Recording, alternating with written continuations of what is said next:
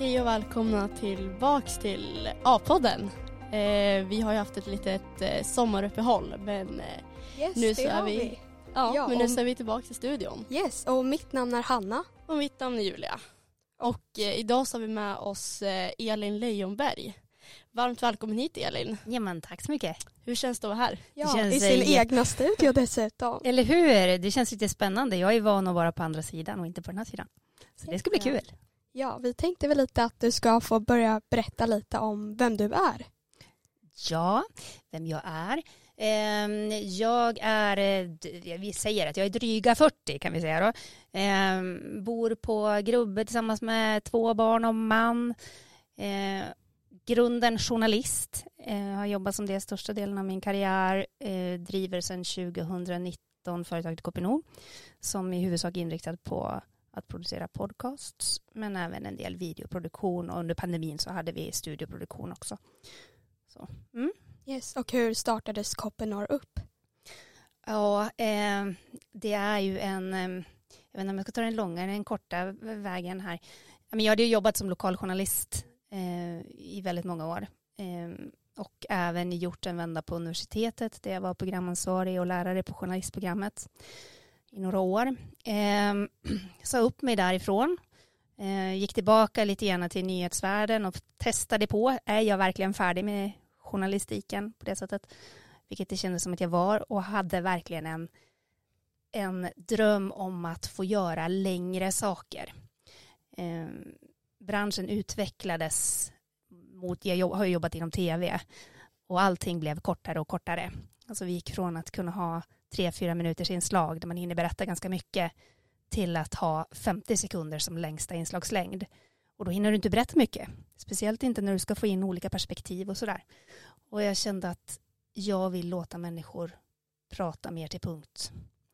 Eh, och jag började få ett väldigt stort intresse för hållbarhetsfrågor och kände att jag måste göra någonting för att liksom bidra. Vad ska jag göra? Ska jag utbilda mig till ekolog eller vad ska jag göra? Men CSN var slut.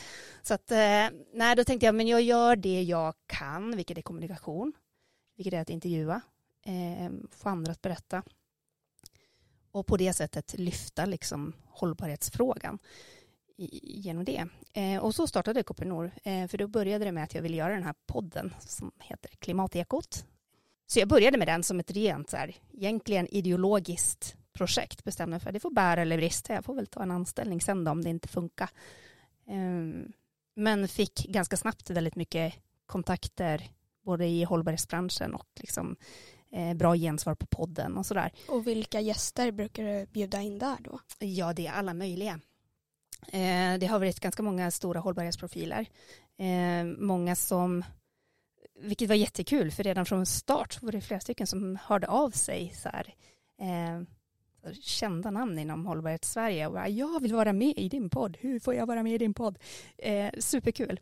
Eh, och eh, ja men typ 2020 måste det ha varit, då började jag samarbeta med Umeå kommun. Så podden har tagit en liten annan riktning också, men vi pratar vi pratar allt från sådana här konkreta saker som eh, eh, tänk på det här om du vill sätta solceller på ditt hus eller hur energieffektiviserar du eller hur klimatsäkrar man eh, städer och så vidare till eh, avsnitt om eh, ekonomisk frihet. Eh, hur gör man för att bli ekonomiskt fri? Eh, och hur det då går ihop med att eh, leva en hållbar livsstil, för det gör det oftast. Men eh, du, kan du inte berätta varför du just intresserar dig för hållbarhetsfrågor? Eh, Oj, ja, eh, jag har väl egentligen alltid varit eh, Eh, rätt intresserad av klimatfrågan. Och så, ja, i takt med att det blir, frågan blev hetare och hetare så att säga och så fick jag upp ögonen lite grann för mitt eget beteende och min egen konsumtion och min egen, liksom, hur mycket jag släpper ut och jag kände bara att vi måste göra någonting, det är bråttom. Och, och, och vad kan vi göra liksom? Ja, för jag tänker det är liksom ett jätteaktuellt ämne just nu så att eh, det är ju superbra. Och det har ju hänt jättemycket under bara de här åren som Klimatekot har hållit på. Eh, Yes, i hur länge har ni hållit på? Eh, det började ju 2019. Då. Ja. Jag började allting med den podden. Oj, ja. Eh, och sen har företaget utvecklats utifrån den podden sen då. Mm. Eh, Så att, eh, ja, det har hänt väldigt mycket i debatten och det har ju framförallt hänt otroligt mycket i med klimatet också under de här få åren ändå. Och var ser du podden i framtiden? Är det någonting du vill fortsätta med och utveckla? Ja men absolut, vi håller på med ett utvecklingsarbete nu eh, tillsammans med kommunen då och se lite grann hur ska vi hur ska vi ta på den, hur ska vi nischa oss för att den är ju riktad till hela Sverige, vi har lyssning i hela Sverige. Eh, och eh, ska vi fortsätta ha det eller vill vi ha lite mer Umeå-feeling eh, på den eller sådär. Men, ehm, och vad, alltså det förändras ju också vad man pratar om eh, utifrån hur de som lyssnar, alltså deras Men är det du själv som får bestämma ämnen eller sker det i samverkan med kommunen? Äh, vi, vi sätter ämnena tillsammans. Okay. Eh, men ja, det är jag som helt producerar den och sådär. Men, men eh, vi sätter tillsammans vilka, vilka ämnen vi ska ha och sådär. Eh, så att vi, det är mycket författare som har skrivit böcker eller ja, mm. så, och du forskare. nämnde också att du hade en annan podd. Var det Regionpodden? Ja, men, ja, precis. Jag gör, nu har den en paus i höst, men jag gör Regionpodden annars för Region Västerbotten och det är deras podd för hållbar regional utveckling med hela utvecklingen som sker i norra Sverige. Så den riktar sig mer till tjänstemän och eh, politiker och företagsledare och sådär för hur ska vi bygga ett hållbart samhälle och hur ska vi få allt det här att funka med det som händer med industriboomen. Så, och sen så gör jag en podd för Companion också som vi precis har börjat med och som handlar om social hållbarhet. Hur tycker du att det är att liksom jobba i en, en mediebransch som växer? Finns det några utmaningar där? Alltså konkurrensen blir ju väldigt mycket hårdare. Så är det ju. Nu har jag ju liksom gått då som sagt ifrån eh, det rent journalistiska, även om som poddarna ändå fortfarande är ganska journalistiska och jag har, jag har aldrig någonting sådär att jag inte får säga, ställa några vissa frågor eller sådär. Ehm, men det är ju fortfarande att det är ju mer en köpt produkt än vad det är eh, ett journalistiskt, om du jobbar liksom fristående journalist. Så att säga. Men om jag tittar utifrån min situation just nu så är det väl framför allt att det har blivit mycket större konkurrens att nå ut. Eh, det finns ju, helt plötsligt har ju alla börjat podda.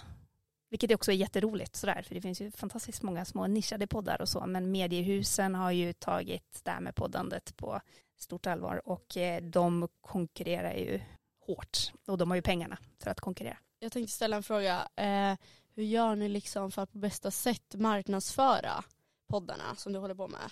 Ja, precis. Eh, och det där är ju en bra fråga. Det är alltså. svårt. Den, den, där är jättesvår. Alltså det är ju sociala medier såklart. Eh, sen handlar det ju jättemycket om att, att synas överallt. Eh, satsar en hel del nu på att synas genom livepoddar. Eh, för då får människor upp ögonen för att jaha, finns, finns de? Men sen så, det räcker ju som vanligt med marknadsföring. Det räcker ju inte att synas en gång. Nej, det måste man måste ju hålla gånger. i det där väldigt länge också. Precis, det ja. måste liksom matas. Eh, sen har jag förstått att klimatekot har gått väldigt mycket så här mun, från mun till mun liksom att folk lyssnar och sen så tipsar de sina vänner och så börjar de lyssna och så. Eh, och det är ju jätteroligt och man kan se liksom att det kommer in nya lyssnare och så lyssnar de bakåt alla säsonger. Eh, så det är jätteroligt att avsnitten 2019 de har fortfarande bra lyssning. Liksom. Eh, men, ja, men det är ju en utmaning. Men så har det varit också på något sätt under hela tiden jag jobbat som journalist och inom media så att det har ju konstant förändrats. Men jag tänker, du har tidigare varit journalistlärare. Kan du inte berätta lite hur, hur det var? Det var jätteroligt faktiskt. Det eh, kan låta konstigt att jag dåsar upp mig. Men, eh, nej, men otroligt roligt att få undervisa och vara med studenter. Det var väldigt otippat. Jag har aldrig sett mig själv som att jag skulle vara någon typ av lärarmaterial eller mm, pedagogisk eller någonting sånt. Eh, men jag fick möjligheten där och så hoppade jag på den Eh, och just att vara med studenter var fantastiskt. Att kliva in i den här studentbubblan, att få komma tillbaka lite mer till det ideologiska med journalistik. Varför är journalistik viktigt? Att få liksom stå där och prata om detta dagarna i ända, det var, det var fantastiskt. Liksom. Um, Vad var den men, största utmaningen, tyckte du? Eh, ja, den största utmaningen det var nog systemet i sig, själva universitetet. Ja. Ehm, det är ju på många sätt en fantastisk plats när man är student eh, och många tycker om det som arbetsplats. Jag passar inte in i den typen av struktur. Väldigt långa ledetider. Jag är van snabba deadlines, snabba beslut. Eh, inte att vi ska behöva vänta några år på att förändra en kurs i ett program. När mediebranschen går så otroligt fort som den gör så behöver man kunna vara snabb på tårna men hela systemet är byggt för att inte vara snabbt. Upplevde du att eh, journalistutbildningen kanske inte hängde med alla gånger i utvecklingen? Ja men det blev ju så i och med att eh, man blir fast, alltså det är ett program som till mångt och mycket går ut också på eh, hantverket journalistik. Verkligen. Och det man måste gäller- komma ut och ja. praktisera. Och man måste hänga med i liksom digitala trender och hur kommunicerar man nu. Eh, men du kan inte hur som helst ändra en kurs. Dels är det otroligt mycket jobb med det, mycket mer än vad det ser ut från, från grunden. Eh, alltså när man tittar utifrån som student så är det jättemycket jobb. Eh, men du måste skriva om betygskriterier, vad får du tenta? Det finns en enorm lagstiftning kring det hela som gör att eh, ska det vara rättssäkert kan du inte göra hur som helst, vilket gör det svårt. Eh, och samtidigt så är det ju ett akademiskt program så du måste ha in de akademiska delarna också. Eh, så att mycket av hantverket får man ju lära sig när man sen kommer ut och arbetar. Och vad var ditt första journalistiska jobb? Du tänker det jag faktiskt, alltså det jag jobbade, eh, Ja, jobbade, efteråt. jobbade efter praktik Yes. och allting sånt. Eh, nu måste jag tänka. Det var på Mittnytt, SVT, i Sundsvall. Och hur var det att jobba där? Det var jätteroligt. Det var som en dröm. Jag, kunde inte, jag gick till jobbet varje dag och fattade inte att jag fick betalt. Eh, Vad fick du eh, göra för typ av liksom, uppgifter? Eh, jag var reporter, eh, så jag gjorde allt som en reporter gör. Eh, numera så gör ju en reporter i princip allt man både filmar och eh, är som reporter och eh, klipper. Det gjorde man inte då. Utan då hade man ju en person, man hade en fotograf med sig och sen så kom man tillbaka till en redigerare som redigerade materialet eh, i samråd med reportern. Eh, så jag, var, jag var journalist, men jag fick göra typ alla jobb som alla andra fick göra. Det är jätteroligt, granskningar och sådär. Gud, Det var liksom kul. Direkt in i hetluften när Men jag... det känns började. som att idag har mediebranschen förändrats så mycket att man kan göra allt samtidigt nästan. Förut var det verkligen, man hade en fotograf, man hade en redi- redigerare. Men nu ställs det samtidigt högre krav Mm. på en som person. Ändå. Ja precis, utvecklingen går ju liksom uppåt. Ja, men det gör ju det. Och det är ju, jag har ju alltid tyckt att det var otroligt roligt att göra alla delar i processen. Ehm, för att man får någon känsla av kontroll och det, jag tycker att det är kul att filma och det är kul att redigera och det är kul att intervjua och så. Men problemet med det blir ju att när du ska fokusera på alla de delarna så kan du inte riktigt 100% fokusera på någon del. Du kan inte vara lika delaktig i, och som närvarande i samtalet om du samtidigt fokuserar på tekniken och ser bilden rätt ut och hur låter ljudet. Jag måste justera lite här samtidigt som någon står och pratar och du ska ställa en schysst eh, följdfråga på det. Eh, så det ställer ju större krav och det plockar ju ner kvaliteten en aning. Men det är ju så branschen ser ut nu och det kommer fortsätta se ut så. Det är jag helt övertygad om. Väldigt intressant. Men eh, jag tänker idag så driver du eget. Vad ser du för typ av svårigheter och möjligheter med att driva eget? Alltså det är fantastiskt att driva eget, måste jag säga. Är det någonting du skulle rekommendera som inom mediebranschen att starta eget? Ja. Eh, det, beror, det beror väl på. Jag skulle säga så här att eh, jag hade nog inte kommit så långt om jag hade startat eget direkt efter utbildningen. Ja, det kanske är svårt att etablera sig själv Ja. innan. Och inte få den här erfarenheten från eh, mer Ja. seniora kollegor. Eh, för det är så man lär sig faktiskt. Eh, så att jag skulle aldrig någonsin plocka bort all, de åren jag har varit anställd. Eh, Kanske bra att du har man- hunnit med liksom och gjort annat emellan. Mm. Innan du landade här liksom. Ja men jag tror det Ja. liksom och fått liksom en annan, Så man får lite olika perspektiv. eller hur? Ja. Precis, jag tror också det. Sen är det jätteskönt att vara sin egen. Jag bestämmer ju helt själv över mina dagar, över vilka projekt jag vill ta och inte ta, vilka kunder vill jag ha, vilka vill jag inte ha. Ja, jätte, jättebra så. Sen är ju utmaningen alltid, liksom det, man driver ett företag, man ska betala ut lön till sig själv, man ska betala lokalhyra, man ska betala alla sina räkningar, kunder ska betala i tid, eh, lite så här hur ska jag få in pengar. Men ja, det är för och nackdelar med allt liksom. Och jag, just nu så trivs jag otroligt bra som egenföretagare. Mm, ja det är verkligen inspirerande. Ja, verkligen. Man själv är precis eller vad säger man, men startat i den branschen och liksom vart man kommer vara i framtiden. Verkligen, och det förändras så mycket också nu så det är svårt att säga liksom.